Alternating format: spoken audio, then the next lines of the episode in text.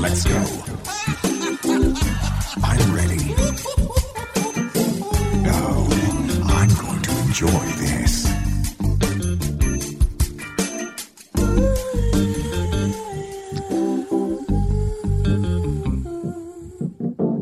Oke, selamat sore. Kembali lagi di Sejak setelah jam kerja. Ini bersama saya Pase. Ya, ini ada Rudy. Leo di sini dan kita punya satu siswa magang. Siapa dia? Hai, nama gua Caca. Akhirnya ya, setelah sekian episode akhirnya ada suara ada cewek. suara perempuan ya. Gak tahu ya kayak fresh gitu ya. Kayak, kayak- jadi semangat ya. Iya, harus semangat lah. Iya, ada, ada nuansa yang beda lah. Ada perempuan tuh emang memberi semangat. Kalau bagi saya. Tapi kan sebagai pelengkap perempuan nggak hanya memberi semangat. Eh, kenalan dulu. Ini. Oh Caca, iya. Caca. Ini ini ini selain eh, orang magang ini adalah narasumber kita. Baik, Oh iya. CV-nya gimana? Iya, eh, halo semuanya. Gimana Beli Komang mau nanya tentang apa? Pendidikan terakhir apa?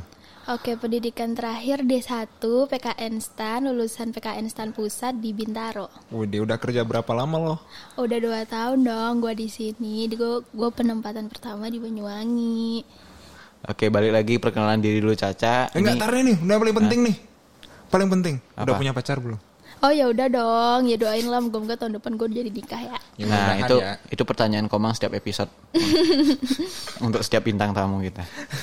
Ya oke, gimana Nah, gimana? ini kita mendatangkan narasumber eh, salah satu pegawai bea cukai Banyuwangi untuk menjawab permasalahan-permasalahan dari sobat Isun yang memiliki permasalahan tentang tentang apa, Leo? Masalah apa? Gak tahu. Masalah apa? Anda lo yang buat ini masalah. Ya, jadi masalahnya ini tentang tentang IMEI. Kita udah mendatangkan eh, Caca atau nama panjangnya Maharani Andika Wulandari ini untuk membantu kita. Sekarang kamu di depan semua sobat Isun ceritakan bagaimana bisa namamu Maharani Maharani Andika Wulandari dipanggilnya Caca.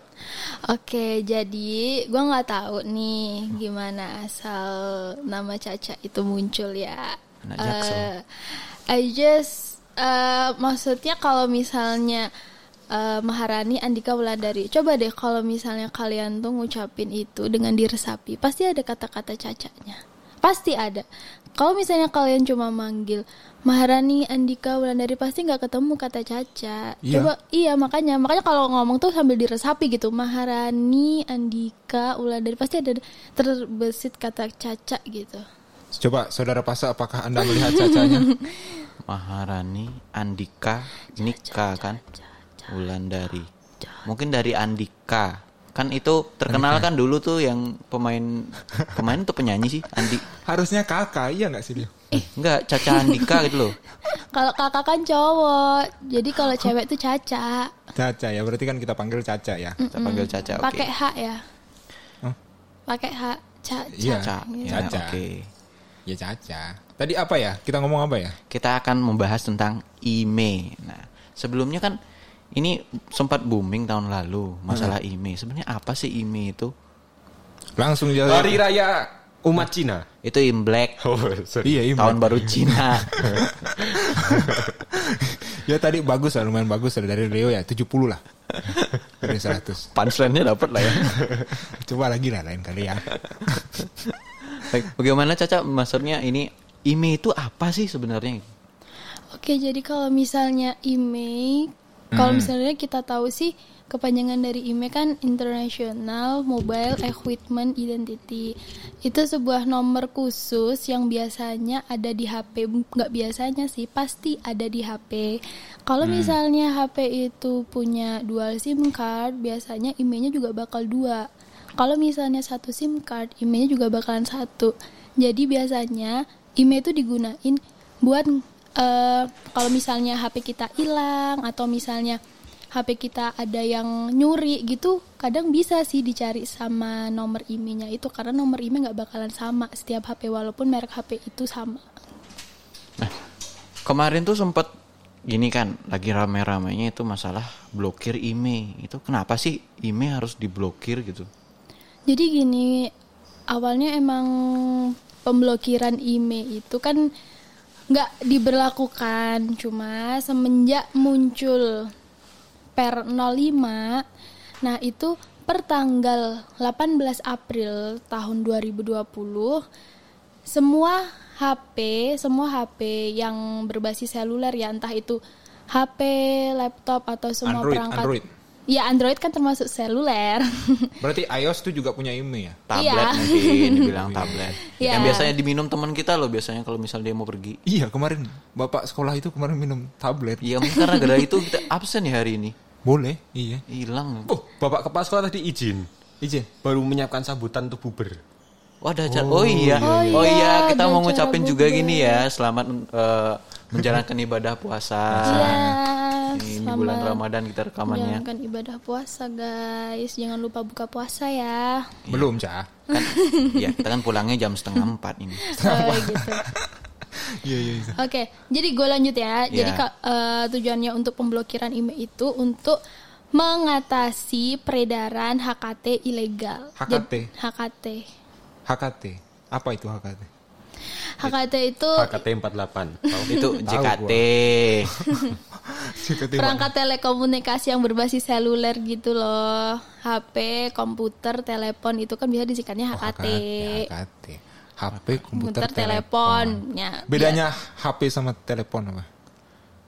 HKT HKT handphone, komputer, tablet nggak sih? Nggak tahu Tablet ya? sih. Pokoknya gitulah. Pokoknya perangkat telekomunikasi berbasis seluler itulah ya. Tablet. Oke, Oke. yang pakai nomor sama jaringan seluler di Indonesia seperti itu. Iya, kayak gitu. Nah, yang tadi itu diblokir untuk Jadi untuk membatasi peredaran HKT ilegal. Kan banyak tuh biasanya eh, dari beberapa daerah tertentu tuh kalau misalnya mau masukin HP yang nggak diregistrasiin itu kan banyak tuh. Jadi makanya di sini banyak-banyak HP yang ilegal di Indonesia tuh. Jadi kasihan HP-HP yang udah resmi, yang udah bayar BM, yang udah pokoknya diselesaikan clearance-nya itu kalah sama HP-HP yang ilegal yang Taruh. masuknya di Taruh, kenapa kita harus punya IMEI? Ya kak, ya gimana? Orang HP kan harus ada emailnya. Kalau nggak ada emailnya kan nggak bisa dipakai. Kan Maksud- bukan HP namanya, sama aja nggak bisa nyambung. Kita nggak bisa SMS, nggak bisa telepon, nggak bisa chat. Jadi eh, dari yang aku dengar dari Caca nih, email itu kayak kau dapat KTP gitu loh buat di Indonesia gitu. Iya, cuma buat HP lu. Ya, i- setiap setiap handphone tuh punya KTP masing-masing, tapi KTP yang terdaftar di Indonesia itu ya email yang terdaftar kayak gitu mungkin maksudnya. Jadi sepemahamanku. Misalnya kita pakai WiFi gimana? Pa- pakai WiFi bisa, jadi nggak usah registrasi email, tapi pakai WiFi itu bisa. Tapi kan WiFi cuma sebatas buat internetan doang. Lo nggak bisa telepon dong, lo nggak bisa SMS. Nah, berarti nih kalau misalkan mau punya IMEI, itu emang gimana caranya? Kok mau punya Kok punya email? email sih? Emailnya terdaftar Email, mungkin. email terdaftar. Oh, saya Kalau nggak tahu nih apa saya punya IMEI apa enggak. Eh, kalau email itu pasti ada Setiap dong HP di Komang. Iya, kalau email itu pasti ada, wajib. Namanya HP, namanya HP berbasis seluler, semua perangkat telekomunikasi seluler pasti punya email. Kalau nggak percaya coba cek bintang pagar 06 pagar. Apa bintang Coba apa? Bang, coba Bang. Bintang pagar 06 pagar. Bintang pagar 06 Duar. pagar. Dor. Duar, IMEI. Saya punya dua ini IMEI ternyata. Iya, berarti dual SIM. Oh gitu ya. Kalau satu-satu gitu ya. Iya, biasanya. Memory card nggak berpengaruh. Iya, nggak pengaruh lah. Kalau smartwatch bagaimana, Cak? Smartwatch. Iya. Kalau smartwatch selama dia punya email harus diregistrasiin, tapi kalau misalnya enggak, enggak usah. Selama punya SIM card. SIM card. Selama menggunakan SIM card. Smartwatch tuh Iya. pakai SIM card. Ada yang lebih Ada yang yang, bias- biasanya buat nelpon tuh. Yang biasanya dipakai anak kecil yang gede-gede tuh loh yang yang ada kameranya. Udah kayak Conan ya. Konan Kadang kan kadang pakai sih, ada yang pakai, ada yang enggak. Pokoknya dicek aja selama dia punya email, punya SIM. Ya kalau punya email sih pasti punya SIM card sih. Kalau setahu aku biasanya Hmm. gitu. Dompet saya juga punya SIM card dua. Ya elah A sama C. lagi. Iya, baru Itu kemarin. SIM. Dompet saya juga perlu daftar email. SIM. Bisa. Itu SIM, Pak. Ini kan SIM card. Wih, Akhirnya. sudah refleks. Latih terus ya. ya, harus dilatih. Oke. Oke oke terus gimana? Balik balik yang tadi, masalah IMEI kan udah dibahas lagi sama Komang, ditanya-tanya.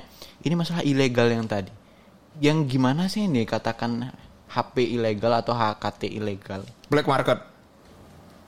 Apakah yang black market atau yang gimana? Iya, black market itu termasuk yang ilegal juga. Jadi kan dia masuk ya udah cuma hitungannya kalau misalnya orang tuh kayak maling gitu loh. Jadi sebuah HP yang nggak didaftarin di Indonesia dan tiba-tiba dia bisa make semaunya, dia mau bisa ngelakuin apa pun di Indonesia gitu dengan memanfaatkan jaringan seluler di Indonesia. Lo, kalau di luar negeri ada IMEI. Wah itu saya nggak tahu. IMEI Kalau IMEI ada. ada. Ada ya? Kalau IMEI ada, cuma eh, kebijakan untuk meregistrasikan IMEI itu kita nggak tahu kalau di luar negeri gimana. Kan kalau di Indonesia baru tuh, baru tahun kemarin. Oh iya, mungkin itu mungkin yang black market itu kan termasuk ilegal ya. Hmm, ilegal. Tapi murah-murah tuh saya lihat di Nah Instagram itu, ada. nah itu karena ilegal makanya dia murah gitu. Karena kan dia nggak dia masuk kan dia nggak bayar bea masuk, nggak nggak clearance gitu, nggak bayar Hmm, PDRI iya. atau apa segala macam kan. Jadi ibaratnya dia HP-HP yang kalau istilahnya bilangnya bodong lah ya. bodong HP bodong gitu jadi kayak dia cuma bisa digunain buat wifi doang kalau misalnya buat telepon atau apa segala Hmm. macam yang dipakai di Indonesia dia nggak bisa gitu Nah, itu kalau misalkan HP-nya, kalau beli HP nih, beli HP itu udah pasti ada IMEI-nya. Pasti. Ini penyakitmu di sebelah mana sih, Mang? Mau tak obatin nih? Sabar Iya, dulu. aku Saya sampai- ini mau beli HP juga. nih, Aku mau sampai up. bingung jelasinnya. Kalau HP itu pasti ada email. Ibarat kamu lahir pasti dari ibu, nggak mungkin dari bapak. Nah, Loh, kalau bapak Kayak tidak gitu. bekerja bagaimana? ya kan aku bilang gitu. Pokoknya kalau HP sama email itu udah melekat sama aja. Kayak anak tuh pasti keluar dari rahim ibu, nggak mungkin dari rahim bapak. Maksudnya bapak bekerja itu bagaimana? bekerja. kok malah diseriusin Nanti lah kita dalami itu sama podcast-podcast selanjutnya ya. episode selanjutnya ya. Jadi aku simpulin Enggak, bentar ya. Masalahnya itu soal lahirnya anak. Maksudnya bapak tidak bekerja itu bagaimana? Ya ada lah yuk. Ya. Pasti kalau ada ada anak pasti bapak sama ibu kan. Nah, mungkin ibu sendiri kan. Makanya bapaknya harus kerja. Oke kembali ke laptop. Oke, eh, aku simpulin dikit ya biar Komang nggak bingung lagi tentang yang apa yang aku tangkap dari Caca tadi tentang IMEI dan HP dan HKT ya kan. IMEI itu HKT itu pasti memiliki IMEI, tapi kewajiban untuk meregistrasikan IMEI itu kembali lagi ke negara masing-masing seperti itu, Mang. Eh, makanya kalau misalnya di Indonesia ada kewajiban untuk mendaftarkan IMEI. Jika IMEI-nya tidak terdaftar, maka akan diblokir. tidak dapat menggunakan eh, layanan seluler di Jaringan Indonesia. ya, Ya, jaringan seluler di Indonesia. Seluler. Seluler, seluler. eh tapi gini ya, jadi kan kadang ada yang tanya nih, lah, Hmm. eh Misal ada yang nanya lah HP gue dulu beli dari luar negeri terus kok gue masuk Indo? Nggak usah daftar sih tapi bisa. Nah kita lihat dulu nih kalau misalkan cut off-nya HP registrasi IMEI itu kan 18 April nih 2020 Mm-mm. bagi HP-HP yang sebelum 18 April 2020 kalau misalnya itu beli di luar negeri atau memang itu HP black market selama dia udah diaktifin dan udah pernah dipakai itu nggak bakal diblokir. Jadi yang diblokir itu adalah HP-HP yang setelah tanggal 18 April HP-HP yang belum diaktifkan. Jadi kayak HP-HP yang ada di eh, counter di toko HP gitu itu yang bakal diblokir. Kalau misalnya emang itu HP-nya black market gitu. Berarti beli HP dari luar negeri nggak apa-apa ya buat ke Indo ya? ya nggak apa-apa tapi harus diregistrasiin emailnya mulai sekarang. Kalau belinya dari Batam, kalau beli dari Batam. Kalau misalnya masuk ke eh, wilayah maksudnya kalau misalnya keluar dari Batam harus diregistrasiin kenapa? Batam kan Indonesia. Iya kan Batam masih masuk wilayah Batam kan Indonesia. kan? Indonesia, Velas. Iya, tapi kan Batam kan ini semua barang-barang yang di kan termasuk kawasan bebas kan Batam tuh. Apa sih? Eh, F- FTZ, Ah. Free Trade Zone, iya kawasan bebas kan. Jadi makanya kalau misalnya semua barang-barang yang dari luar negeri kalau di Batam kan emang free gitu, nggak nggak ada clearance-nya, nggak bayar biaya masuk ataupun pajaknya. Jadi tapi kalau misalnya mau dipakai di keluar dari Batam itu harus didaftarin emailnya gitu. Berarti kan enak ya tinggal di Batam ya. Oh iya. Iya, tinggal aja di Batam ya. Nanti gini ya, nitip ya, Nitip apa? nitip beli HP di sana. Ya tet- tetap aja kan kalau keluar di Batam harus registrasi lagi. Ya nggak apa-apa, nitip aja. Yang bayar siapa? Ya Iya nanti tak transfer gitu. ya udah gue doain kalian mutasi ke Batam Eh, ya. Amin. eh enggak enggak enggak enggak enggak enggak. Eh enggak enggak belum belum. belum. Halo, Bici Batam. Halo, Ada Pase nih ya. Madi Pase sih. Ada Komang Rudi juga ini temanku. Sahabat terbaikku. Widih. Emang kalau registrasi email itu bayar gak sih? Kalau registrasi email itu nggak bayar, cuma kalau misal pelayanannya nggak bayar ya, bea cukai tidak pernah memungut biaya apa pun untuk pelayanan, no tipping tipping, oke? Tapi yang ada itu sebenarnya bukan bayar registra buat registrasi email, cuma membayar kewajiban atas registrasi email itu, membayar kewajiban bea masuk dan juga pajak dalam rangka impor apabila registrasi IMEI itu dilakukan setelah keluar dari kawasan pabean atau setelah keluar dari bandara gitu bilangnya. Setelah keluar berarti di mana-mana bisa dong maksudnya. Di mana-mana bisa, cuma kalau misalnya di bandara, diregistrasi di bandara, dia bakal kena pembebasan 500 US dollar. Tapi kalau misalnya udah keluar nih dari bandara, terus mau diregistrasiin di bea cukai setempat tuh bisa, cuma Bisa ya? harus bayar bea masuk dan juga pajak dalam rangka impor atas harga HP-nya itu di luar negeri. Oh gitu.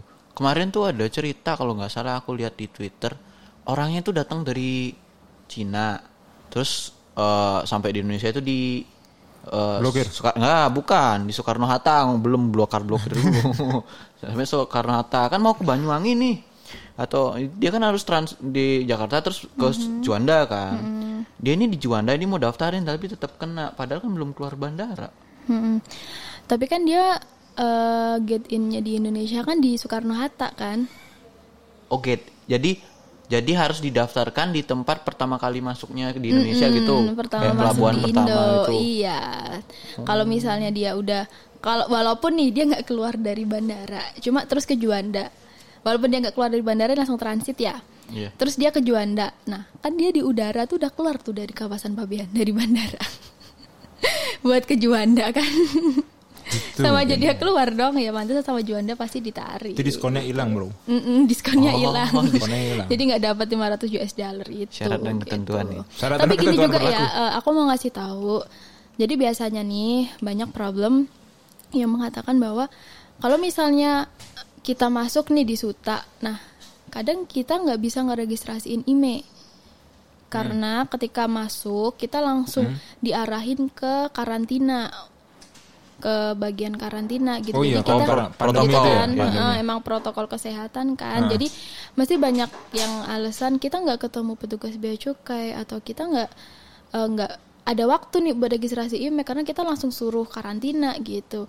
Jadi kalau misalnya dari sumber yang aku dapat kemarin di kantor-kantor yang dia menaungi sebuah bandara, dia punya SOP tersendiri tentang registrasi IMEI. Contohnya di Soekarno Hatta. Jadi di Soekarno Hatta itu kalau misalnya orang nih, orang datang terus dia langsung disuruh ke karantina. Nah, di setelah keluar dari karantina kan biasanya di isolasi mandirinya kan 6 sam 4 sampai 6 hari ya. Setelah itu dia masih bisa meregistrasikan IMEI dengan mendapat pembebasan 500 US dollar.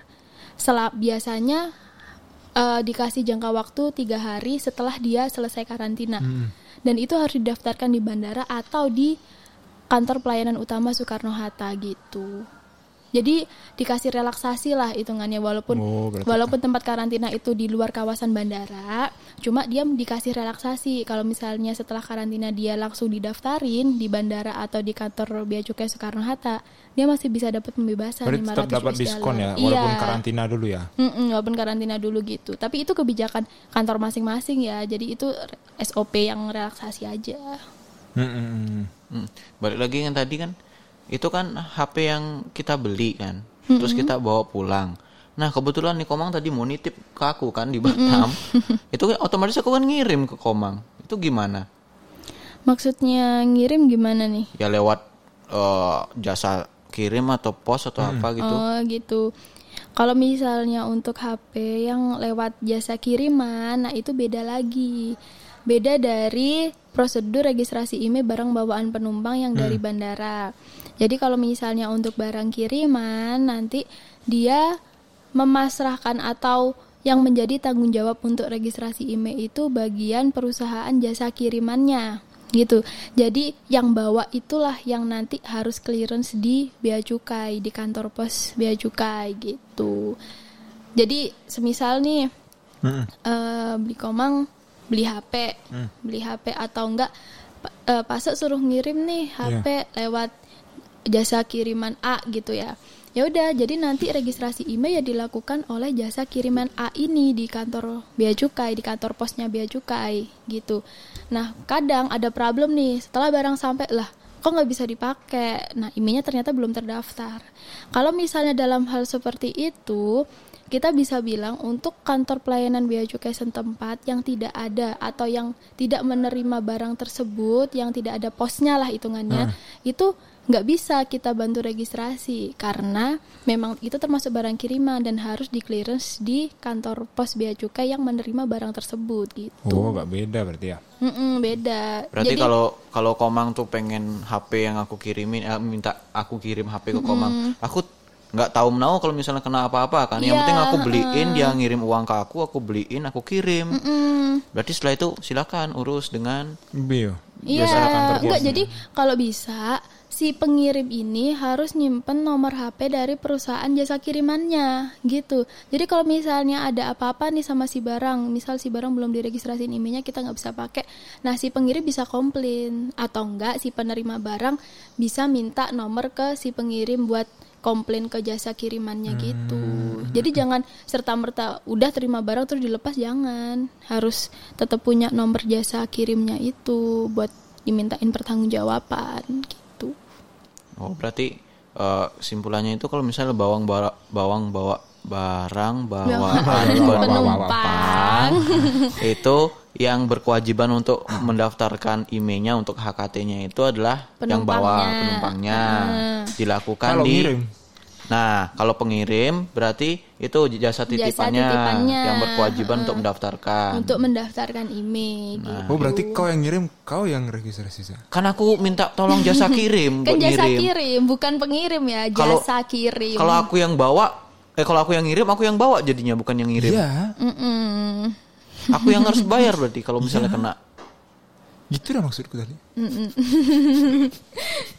agak ribet sama kamu. Iya, jadi jangan sampai telat aja sih. Aduh, Saya mau bertanya. ada apa? Iya, saya gimana, kemarin main gimana, chess Bang? online. Loh, kok tiba-tiba nyambung Ces nih? Ini apa ya? Chess. Terus dapat hadiah HP gitu. Maklum, korbannya Mamang Subur. Mamang. Dadang, dadang gini ya, dadang-dadang ya. Ikut apa apa main chess apa musiman. Oh, siap. Asik-asikan doang.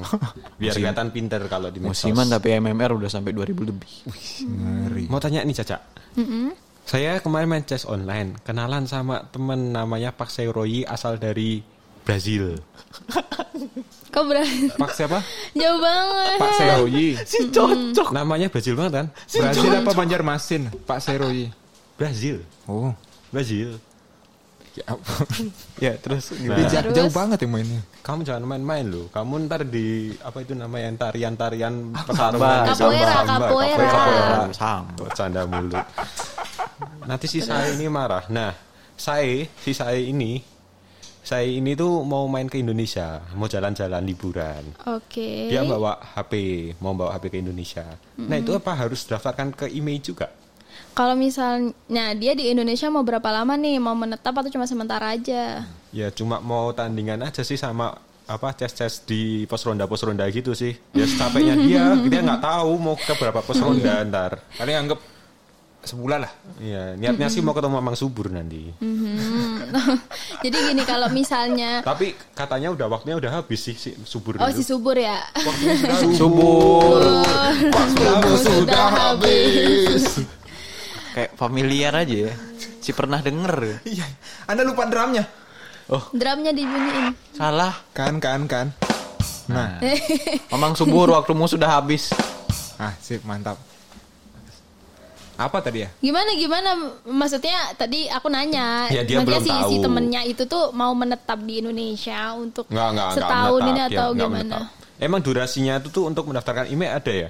Ada dong. Gimana gimana? Kalau Jelasin dulu. Ini soalnya si Mamang eh si Mamang si saya ini, saya ini tuh belum Saya, ya? tahu, belum dia nggak bisa planning, nggak bisa planning, nggak bisa merencanakan.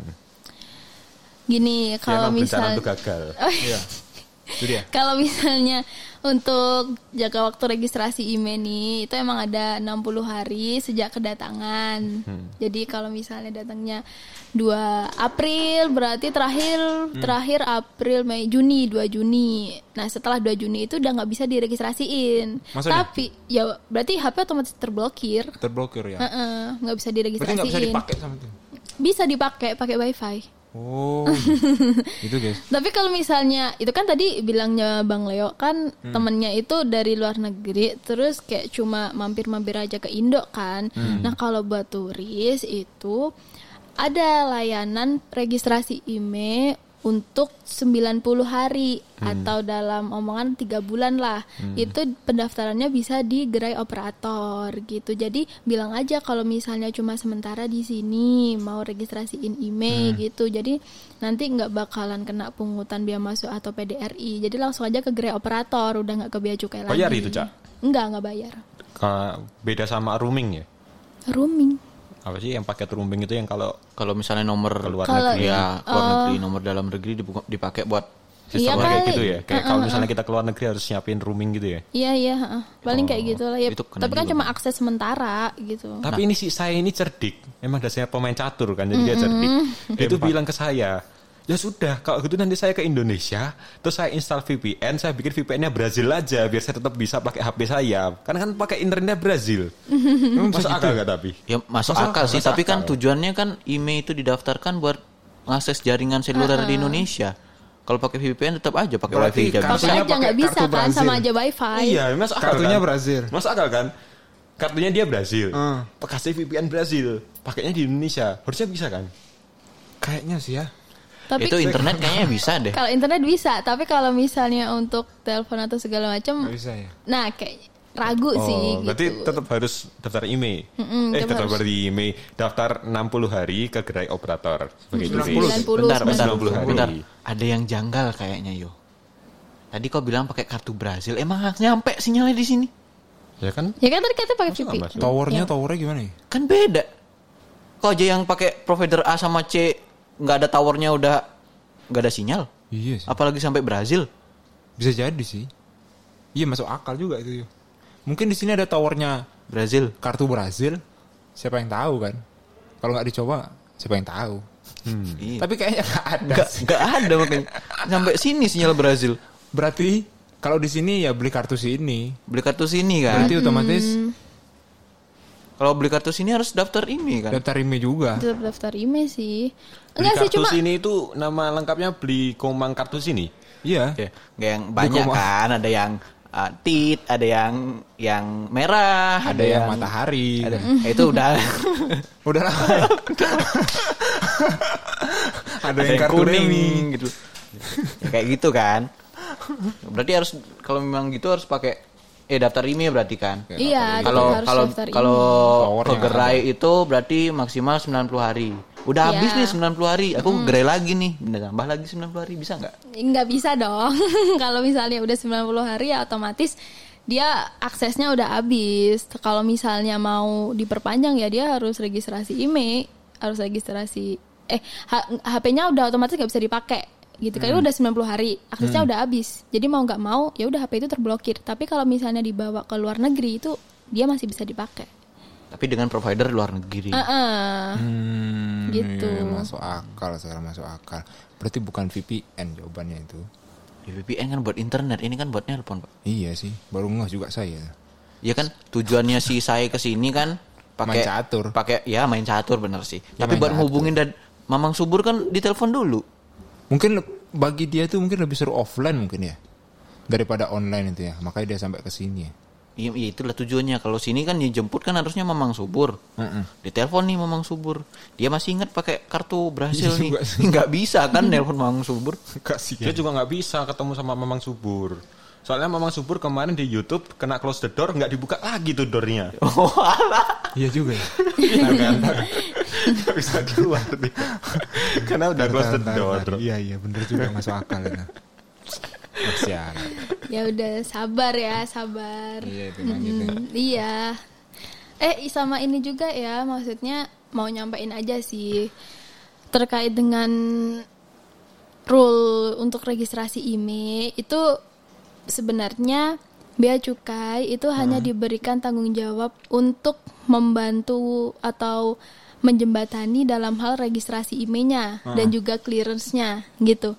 Ka- untuk pengaktifan IMEI, untuk kalau misalnya IMEI-nya ini kok nggak bisa atau apa segala macam, itu silakan menghubungi call center Kominfo atau Kementerian Komunikasi dan Informatika. Di Di mana tuh? 0811 Itu kan melayani informasi kita, Bang Leo. Tapi melayani juga apa enggak? Tapi melayani juga nggak? Oh, Konsultasi mungkin iya. Mm. Jadi gitu. Jadi buat semua nih kalau misalnya udah bayar nih terus udah udah semua udah clear lah di bea cukai terus kok nggak bisa lagi. Nah, itu silakan menghubungin call center 159. Itu call centernya Kominfo. Jadi kalau misalnya ada problem apa-apa terkait dengan email, nah itu silakan menghubungi sama pihak Kominfo gitu. Oh, Oke, bagi- Ya. Kalau setelah bayar tuh nunggu berapa hari sampai dapat sinyal? Biasanya 1 sampai 2 hari sih setelah pembayaran. Cepet ya. Mm-mm, Kalau cepet. dua hari nggak muncul-muncul sinyalnya, HP-nya ditiup. Udah didoain aja, didoain aja. Enggak sebelum itu sih ada kejanggalan lagi nih. Aku aku selalu mau, memerhatikan kejanggalan di setiap pembicaraan kalian ini. Nggak, nggak lucu. Orang Indonesia apa tuh sih? Kalau ada yang nggak bisa ditiup. apa? Diketok-ketokin. Nah, plak plak plak. Kayak gitu kan. Jadi waktunya berapa? Dua hari kan. Sejak Dua hari. sejak proses registrasi dan pengaktifan. Kau kan bayar nih, set. Ya. Lagi dua hari kau dapat sinyal.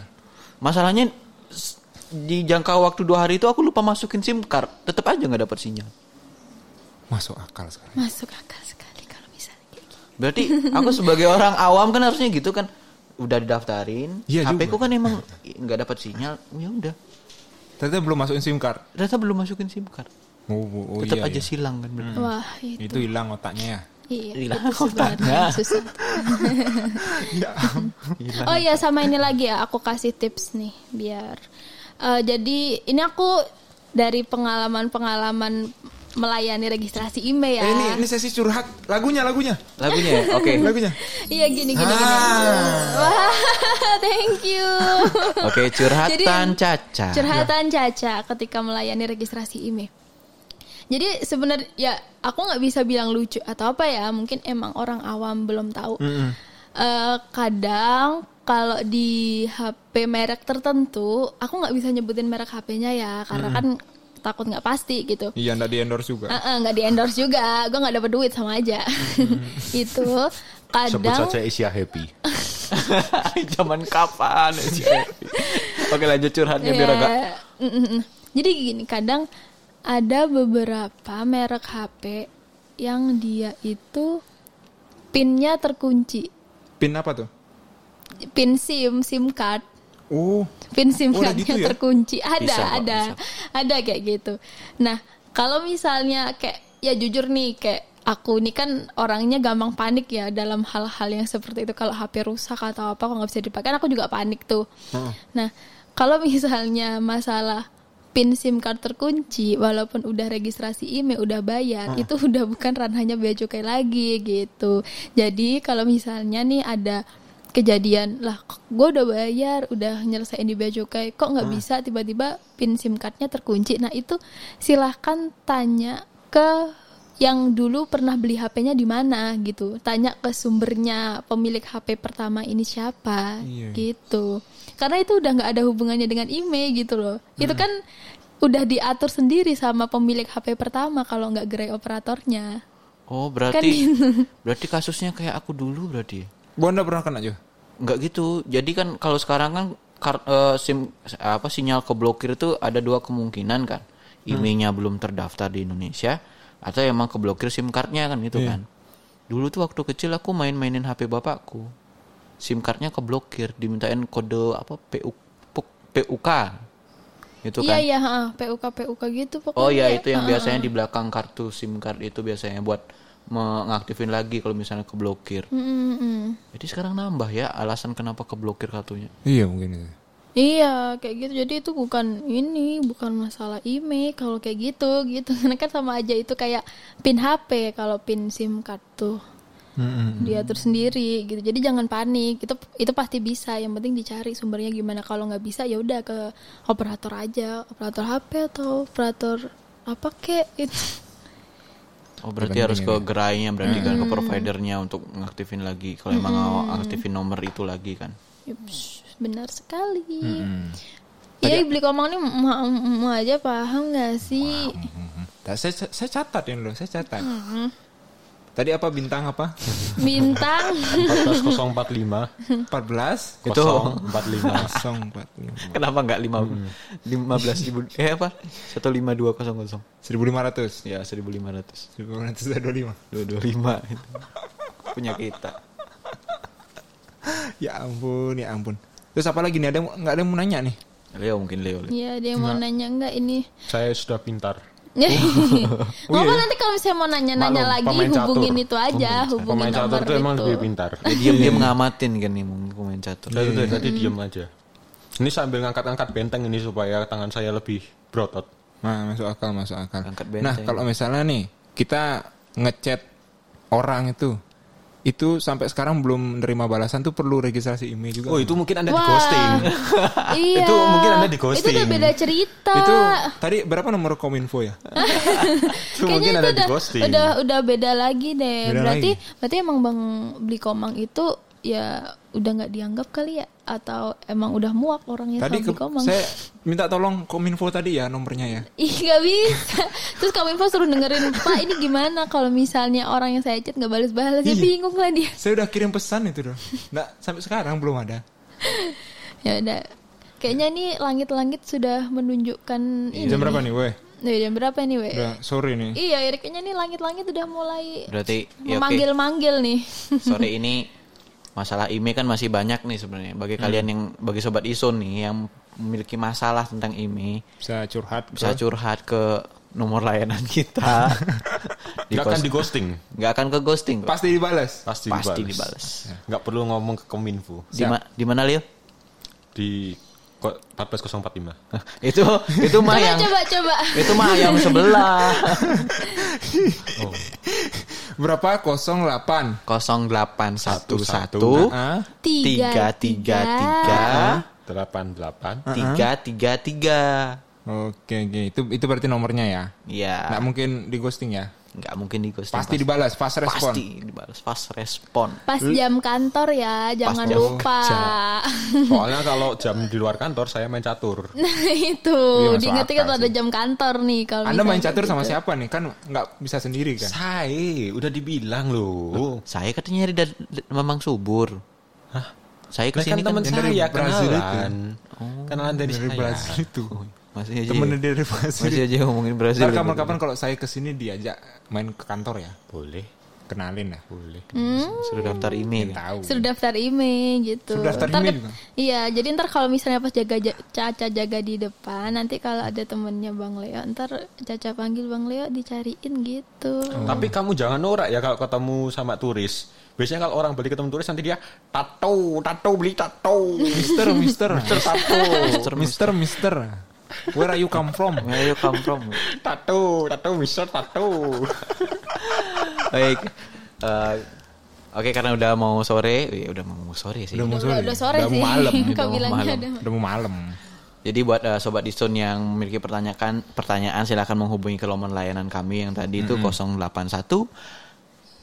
delap- 333 Kok delapan- satunya cuma satu kali? Oh iya, ulangi ya. 0811 333 88 333. Nah, untuk pertanyaannya nanti nanti akan kami jawab. Nah, untuk permasalahan yang lain mungkin kami akan bahas lagi lewat apa gitu. Bagi kalian yang masih bingung silahkan ke kantor aja nanti Ayo, ketemu Mbak ini cantik saya nih. udah mau buka ini Buka, Buka puasa.